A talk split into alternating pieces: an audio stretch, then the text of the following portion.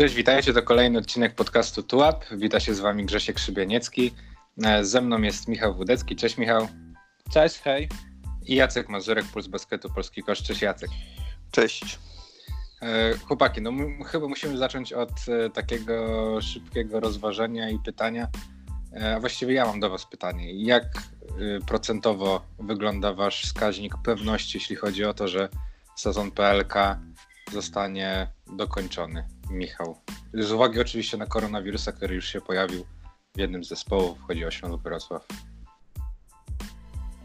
Ale teraz pytanie rzuciłeś od razu od samego początku. Ale nie wiem, dokończony. In your face. No, no moim zdaniem zostanie dokończony. Ale to zostanie do... finały? Czy jak daleko mówimy, że zostanie dokończony? Czy... No tak, no że będzie... Że ostatni mecz miał normalnie, tak jak jest. No normalnie. Ja myślę, że, ja, ja myślę, że będzie rozegrany. Może ja jakieś tak przerwy, może coś, na pewno coś będzie przykładany, to nie wierzę, że nie. Mhm. Ale, ale, ale na pewno będą cyrki z kolejkami i obudzimy się któregoś dnia e, gdzieś tam e, w kwietniu, w marcu z, tak. z kolejką nierozegraną, z nierozegranym meczem pierwszej kolejki. To jest więcej niż pewne. Tak, pewnie Tory będzie miał 14 meczów rozegranych, a reszta 22. Nie, nie no, jesteście, myślę, jesteście będzie... dużymi optymistami. Tak, no trzeba się będzie po prostu przyzwyczaić Ale... do, do różnic w składach. Być może jeden zawodnik nie zagra tutaj kolejkę, e, drugi zawodnik tam w oczekiwaniu na wyniki, czy nie daj Boże z jakimś tam mhm. wynikiem pozytywnym. No ale myślę, że zostanie to chałupniczo, tak jak cały ten sezon przeprowadzony. No, wydaje mi się, że, yy, że rzeczywiście jest na to szansa, żeby jakoś to, ten sezon dociągnąć. No ale póki co wszystko, wszystko niestety pływa i to mnie, to mnie bardzo martwi, że, że trochę to, to tak po masku jest robione i, i nie podoba mi się to. Wydaje mi się, że liga powinna poważnie podejść do tych wszystkich przepisów, chociażby, nie wiem, nakładając jakieś sztywne regulaminy, czy nawet kary wręcz e, mhm. na, na zawodników, którzy, nie wiem, pojawiają się w jakichś restauracjach, wchodzą w interakcję z kibicami. Trzeba się tego wystrzegać po prostu i, i tutaj powinno być wszystko sztywniej, tak mi się przynajmniej wydaje. No, no dobra, z jednej strony, jest, poczekaj, jeszcze no dobra, to bardzo to chętnie nie... wejdę w kontr ten, ale to za chwilę. To też nie jest żadna nowość, jeśli chodzi o to, że liga nie jest przygotowana, bo liga, no nie oszukujmy się, to nie jest, e, to jest półprofesjonalna liga tak naprawdę, patrząc na nie, nie jakieś tam przekonania dotyczące osób rządzących e, lidze, ale patrząc w, w przeszłość, tak, jakie decyzje liga podejmuje i tak dalej, więc, więc Grzesiek ma stuprocentową rację, natomiast y, jeśli spojrzymy na to, jak wygląda sytuacja z wirusem i jak patrzyliśmy na początku, jak wszyscy patrzyli na, na, na sprawę z wirusem, gdzie, gdzie było tam 100 przypadków, 200, jak się wszyscy bali, teraz mamy 800 i jakby e, chyba nigdy jeszcze w, w trakcie pandemii e, ludzie nie byli tak rozluźnieni, więc e, wydaje mi się, że z biegiem czasu coraz inaczej, coraz, e, coraz bardziej e, mamy inne podejście do tej sytuacji i jeśli liga będzie przerwana, to bardziej właśnie ze względu na, na to, że nie podeszła profesjonalnie do pewnych rzeczy, do badań, do e, właśnie do takich spraw organizacyjnych e, przy wirusie, niż e, jakiejś takiej historii, że nie wiem, że mamy półtora tysiąca, trzy tysiące nowych przypadków dziennie. Mhm. No ale też wiecie, z drugiej strony ciężko wymagać sztywnych reguł i przestrzegania ich w przypadku, kiedy liga nic od siebie nie daje. Mówię tutaj o testach. E, ja to rozumiem z jednej strony, bo to jest. Jasne, jasne. Rozumiem tak, i nie rozumiem. Tak. Rozumiem, bo to jest duży koszt. Liga jest biedna. Żadna liga oprócz e, piłki nożnej zdaje się nie, nie ma tak szeroko zakrojonych badań dla każdego klubu i członków sztabu zespołowego. Nie wiem, mogę się mylić o jakiś tam żużel czy inny, nie wiem, mhm. lakros, ale. nie, no proszę ciężko... cię, nie porównuj, nie porównuj żużel do lakrosa. No, nie, no człowieku tym kraju, w tym kraju najlepszym sportowcem został żużlowiec, a ty porównujesz żużel do lacrossa. Jen, gdzie, jakby, tu jest, gdzie tu jest rozłącz? I jakbyśmy mieli jakiegoś Tomasza Kwiatkowskiego czy innego Witlińskiego, który by był mistrzem świata w lacrossie, to jestem przekonany, że też by sprzedaż w Decathlonie zestawu do tego sportu wzrosła w górę. Tak jak kilku do, kilku do narciarstwa, czy jakichś tam innych, innych yy, głupot. No nie wiem, a masz jakiś plastron żużlowy na, w domu? Bo nie, ja... no żartuję, dobra, kontynuuj. No, no, chodzi mi tylko o to, że wiecie, no super by było, dobrze to, to wszystko brzmi, no i ma to jak najbardziej sens, że powinny być sztywne reguły, założenia, regulaminy itp. Mhm. No ale liga nie może sobie z drugiej strony na to pozwolić, bo jest, tak jak Jacek powiedział, niestety półprofesjonalna przez to, że jest niedofinansowana. No, tak. no i nie może od siebie dać yy, czegoś, Mhm. Coś, co, co by mogło być w zamian za te sztywne regulacje. No właśnie, tutaj o tych y, karach to miałem na myśli chociażby coś, co było w Izraelu, gdzie zdaje się, że Amary Stoudemire został ukarany za to, że dwa razy w ciągu dnia wyszedł do sklepu, czy, czy coś takiego, że, że po no ale wiecie, ten no to jest, musiał być... W Polsce, w Polsce to jest y, bzdura, jeszcze no, no trzeba tak, wziąć pod uwagę, trzeba wziąć pod uwagę, jacy są y, Polacy. Nie mówię tu w żadnym tam złym mhm. kontekście. Natomiast no, no zobaczmy Castellan Basketball Cup. Nie mogli kibice przybijać piątek z zawodnikami w trakcie meczu i po meczu, a już przed halą yy, normalnie sobie mogli robić zdjęcia i, no tak. i przybijać te piątki. No, można nałożyć wszelkie obostrzenia, ale tak czy inaczej, no później w, w takim w realnym życiu, no, no niestety, no nie jest to do przypilnowania, nie?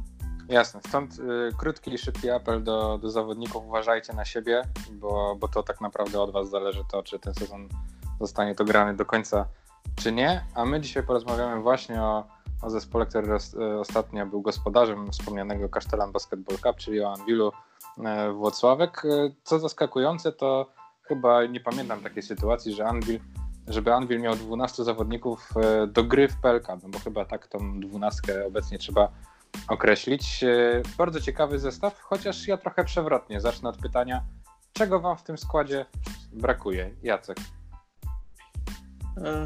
Atletyzmu pod koszem, takiego Shona Jonesa, ale to mhm. wydaje mi się, że w wielu drużynach e, możemy tak mówić. Natomiast wydaje mi się, że może brakować nie, może nie tyle zawodnika, co, co takiego podejścia Diana Micheca opartego na, na tym, że chce mieć całą drużynę, żeby wszyscy grali e, równo, bez takiego jednego lidera. I nie wiem, czy to na koniec sezonu właśnie może e, zadecydować o tym, które miejsca będą mieli, bo w mojej opinii w playoffach najważniejsi są najważniejsze są gwiazdy, ci zawodnicy, których mhm. możesz dać na, na pierwszy plan. Nie wiem, jak sobie przypomnisz, kto wygrywał e, mistrzostwo Anvilowi, to powiesz Ivan Almeida, nie wiem, gdzieś tam James mhm. też, George Bostic. Raczej to są właśnie takie gwiazdy.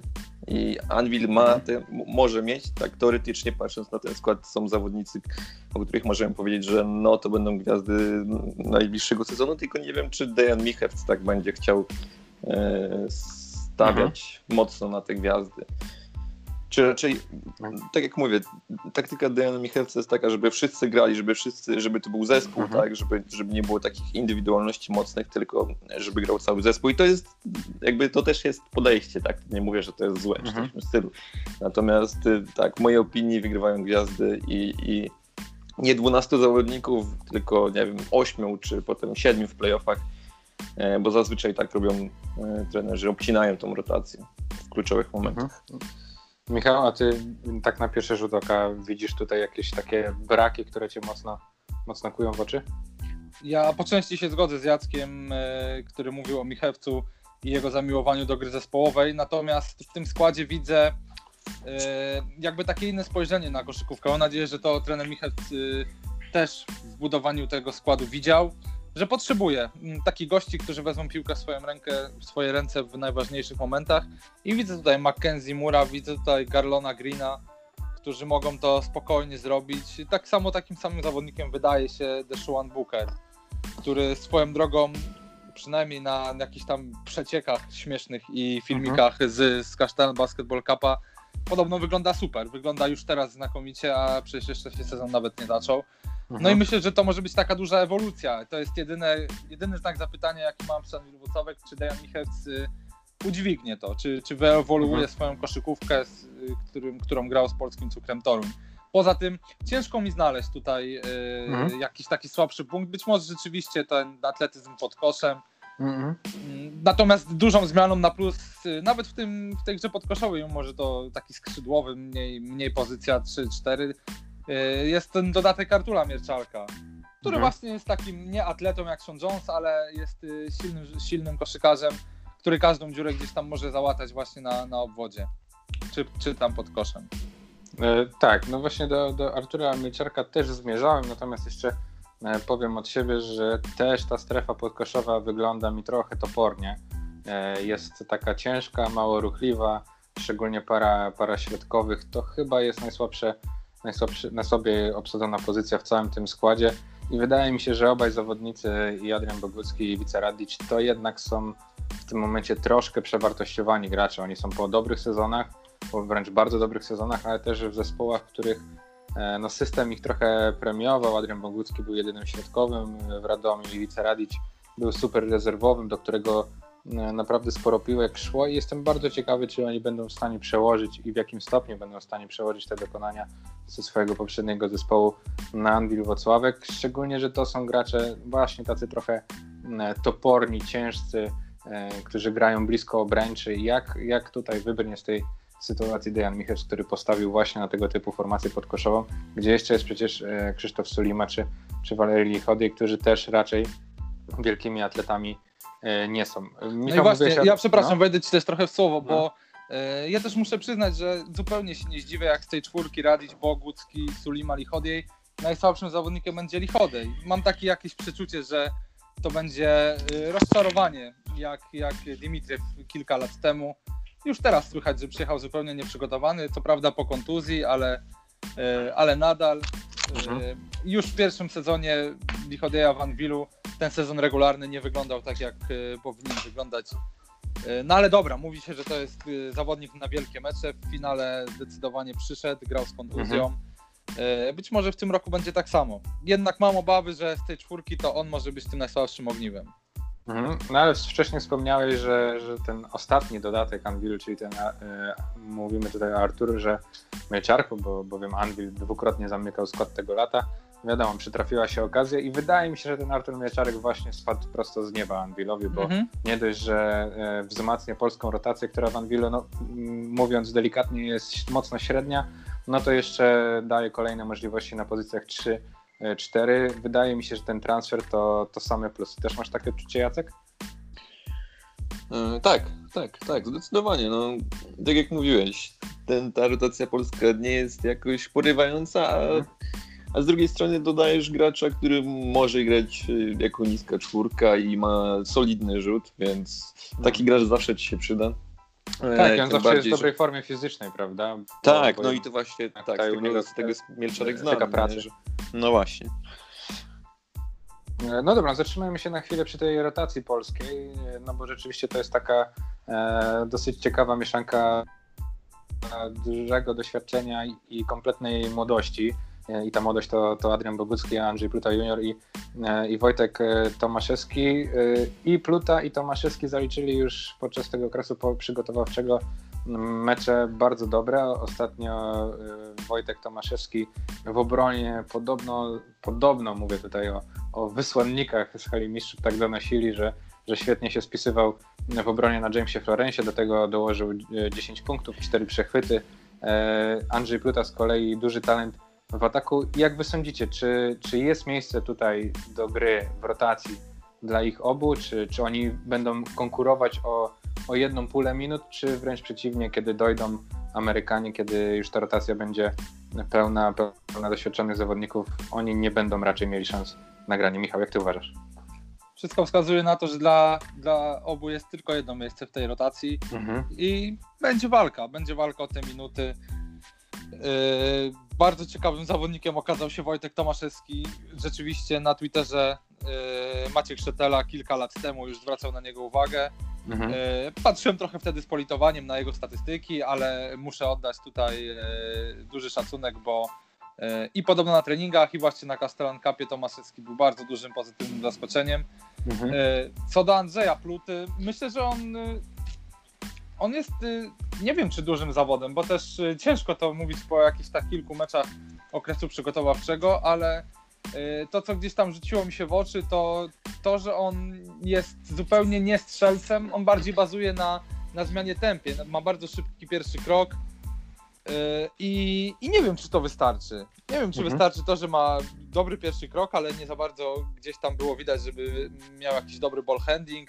Ten mhm. rzut za trzy gdzieś też yy, nie jest taki jak u ojca. Chociaż jakby był, to, to pewnie nie rozmawialibyśmy teraz w kontekście tego, czy wywalczy miejsce w rotacji, czy nie. Natomiast mhm. wracając zupełnie do Twojego pytania, bo trochę odbiegłem, tak, no myślę, że dla nich y, obu jest tylko jedno miejsce i będą musieli o nie walczyć. Co jest zresztą super sprawą, bo, bo będą mogli się dzięki temu też rozwijać.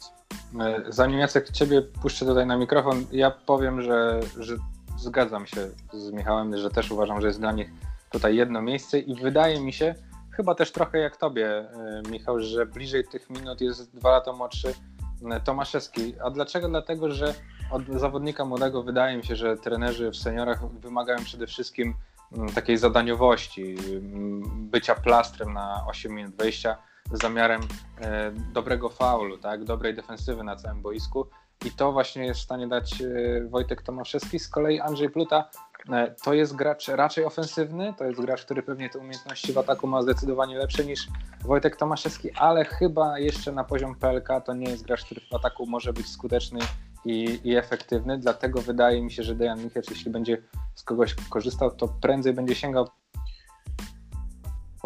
po Wojtka Tomaszewskiego, który właśnie w defensywie może być bardzo przydatny, może dynamicznie e, wchodzić na kosz, atakować obręcz, jest długi, e, może być naprawdę uciążliwym obrońcą i, i to jest jego największy atut, że on takim zadaniowcem tutaj może być. E, Jacek, jak ty uważasz? Czy, czy tak, jest, jest miejsce, miejsce dla Jakobu? Jest, jest wyjątkowo długi, ale to jest taka długość jakby w drugą stronę. Nie, nie jest tak długi jak jest Mackenzie Moore, tylko jest jakby w drugą mhm. stronę. Ma strasznie długie ręce, jak tak. jak, na, jak na swój wzrost, dlatego to trochę premiuje go właśnie e, jako obrońcę. I no tak jak, tak jak powiedzieliście, też myślę, że, że tylko w jakichś takich większych minutach prawdopodobnie jest miejsce na jed, dla jednego z nich, natomiast mhm. jakieś e, minuty, gdzie, gdzie, gdzie ten mecz będzie, gdzie mecze będą rozstrzygnięte, jakieś, mhm. jakieś e, wysokie lub E, wysokie wygrane lub wysokie porażki Anwilu, to pewnie tam też będą jakieś minuty, gdzie, e, gdzie ci zawodnicy będą wychodzili na parkiet. Okej, okay. E, no to już zamknijmy sobie tę rotację polską, przejdźmy do zawodników zagranicznych. Tutaj no jakby pierwsze skrzypce ma grać duet Mackenzie Moore i Garland Green. Tak jak Michał mówiłeś, Deshaun Booker też w sparingach pokazywał się znakomicie, natomiast ja was zapytam o tego czwartego muszkietera, czyli o Trebaseja. Wiem, że Jacek tutaj statystyki zaawansowane, no nie przemawiałem za nim, natomiast chciałem spytać o, o waszą wiarę w ten transfer. Może być w wartościach procentowych, czy powiedzmy, że 0% to jest niewypał, 100% to jest bardzo udany transfer. Gdzie wy tutaj, czy od 0 do 10, gdzie wy na tej skali y, jesteście, jeśli chodzi o swoje przewidywania, Michał? To znaczy ciężko powiedzieć, czym jest, czym jest wypał w jego przypadku, bo nie wiem, czy on ma być takim skorerem, czy, czy on no ma chyba być... tak. No to jak, jak ma być takim skorerem, to daje 40% szans, że tak będzie. Mhm. Bo, okay. znaczy tu jest dużo zmiennych, bo może być, może rzucać te 12-14 punktów na mecz, ale co z tego, jak może potrzebować do tego 14 rzutów, nie? Mhm. Także ciężko mi, patrząc na tą pozycję, nie wiem, myślę, że może Andrzej się trochę pospieszył z jego zatrudnieniem, nie, nie spodziewał się, że mhm. będą na rynku jeszcze zawodnicy. Nie wiem, ciężko mi jakoś logicznie ten transfer y, uwarunkować. Jest to taki, wydaje mi się, że troszkę za szybko, troszkę, troszkę za szybko ten transfer Andrilowi wyszedł. Takie mam wrażenie. Jacek, a ty myślisz, że tutaj Dejanowi Michałcowi uda się znaleźć jakiś pomysł na Trebaseja, czy jednak on sobie nie poradzi w tak, w tak, tak wysoko mierzącej drużynie, jaką jest. Mm, mi się wydaje, że, że znajdzie dla niego e, odpowiednie miejsce. Pytanie, czy Anvil dostanie się do Ligi Mistrzów, bo mm, nie wiem, jak będzie wyglądał na, na tle jakby lepszych drużyn i pewnie w tym kontekście też byśmy mówili o tym, czy to był wypał, czy to był nie wypał. Natomiast jak na polską ligę, wydaje mi się, że E, mhm. że będzie ok. Znaczy, no oczywiście wszystko jest kwestią tego, jaki mamy punkt odniesienia, co będzie, mhm. co będzie wypałem, e, czy 9 punktów, czy nie wiem, dobra, dobra skuteczność i tak dalej. No, wiemy, jaki, wiemy, jakim jest graczem, ale są jakby miejsca, gdzie może być efektywny, może być, może być strzelcem, mhm. tak? Nie, nie, nie oczekujemy, nie, nie powinniśmy od niego oczekiwać tego, że E, że nagle będzie efektywny jako rozgrywający, bo prawdopodobnie nie będzie. Mhm. Natomiast e, wiemy, że Dejan Michewster gra szybko i, i, i, tam dlaczego nie Basej e, może być ok, może być ok strzelcem. Także mhm. jako taki jednowymiarowy, dwuwymiarowy gracz maksymalnie może pełnić swoją rolę. Mi też się wydaje, że gdzieś tutaj dla niego, na niego jest jakiś pomysł. Myślę, że, że on ma być właśnie przede wszystkim e, dużym zagrożeniem z dystansu i, i wiemy, że to potrafi. Natomiast na parkiecie wydaje mi się, że jeszcze będzie spełniał rolę takiego drugiego kozłującego. Być może będzie grał dosyć często obok Mackenzie'ego Mura, który no, jest takim bardzo wysokim rozgrywającym i bardziej bym oni mówią, że to jest taki point forward niż rozgrywający, no ale umówmy się, że, że, że to jest rozgrywający i, i Basy może być taką drugą opcją kozłującą obok niego na parkiecie i jestem w stanie sobie wyobrazić, że, że może to w pewien sposób funkcjonować i, i że Basy będzie bardziej efektywny. No, w sumie troszeczkę, troszeczkę ma niskie te, te statystyki zaawansowane z Bundesligi chociażby, natomiast, że, że tutaj nie będzie jego gra jakby mocno kuła w oczy i, i, i że jako ta druga opcja na koźle E, będzie, będzie się sprawdzał. E, przejdźmy do tej największej gwiazdy, bo, bo też trochę o nim już zahaczaliśmy. To wydaje się, że będzie Mackenzie Moore, e, gracz dwumetrowy, gracz, który może na boisku pełnić, wydaje mi się, podobną rolę, jaką pełnił przez, przez kilka meczów, przez kilka tygodni Ivan Almeida, czyli takiego trochę fałszywego rozgrywającego, rozgrywającego, który może grać pod siebie, może E, rozdzielać piłki. Wy też myślicie, że Mackenzie Moore to może być taki główny kandydat z Anvilu do, do wypchnięcia go do, do walki o MVP, czy, czy jednak widzicie, że tutaj ktoś może być większą gwiazdą? Michał? Ja jestem przekonany, że to będzie największa gwiazda Anvilu i będę mocno zdziwiony, jeżeli będzie inaczej, bo mhm. nie wiem, ciężko cokolwiek więcej powiedzieć niż to, że ma wszystko, żeby żeby być tym najbardziej dominującym zawodnikiem tak mhm. naprawdę każdego, w każdym meczu, w każdym spotkaniu. Okej, okay. Jacek? E, tak, zgadzam się. Myślę, też myślę, że będzie wiodącą postacią tej drużyny. Jest chyba trochę, to w 100% się zgadzam z tym, co, co, co Grzesiek powiedział, że jest takim Almeidą, może być takim Almeidą, tylko jakby trochę odwróconym. W sensie bardziej może grać jako, dużo więcej grać jako rozgrywający, a mniej na, nie wiem, na trójce. Mhm. Tak jakby Almeida opierał swoją grę będąc, nie wiem, trójką, a na jedynce był rzadziej, tak wydaje mi się, że Mackenzie Moore właśnie może być na jedynce, a może być rzadziej, nie wiem, na dwójce, trójce, ale tam też może być bardzo dobry.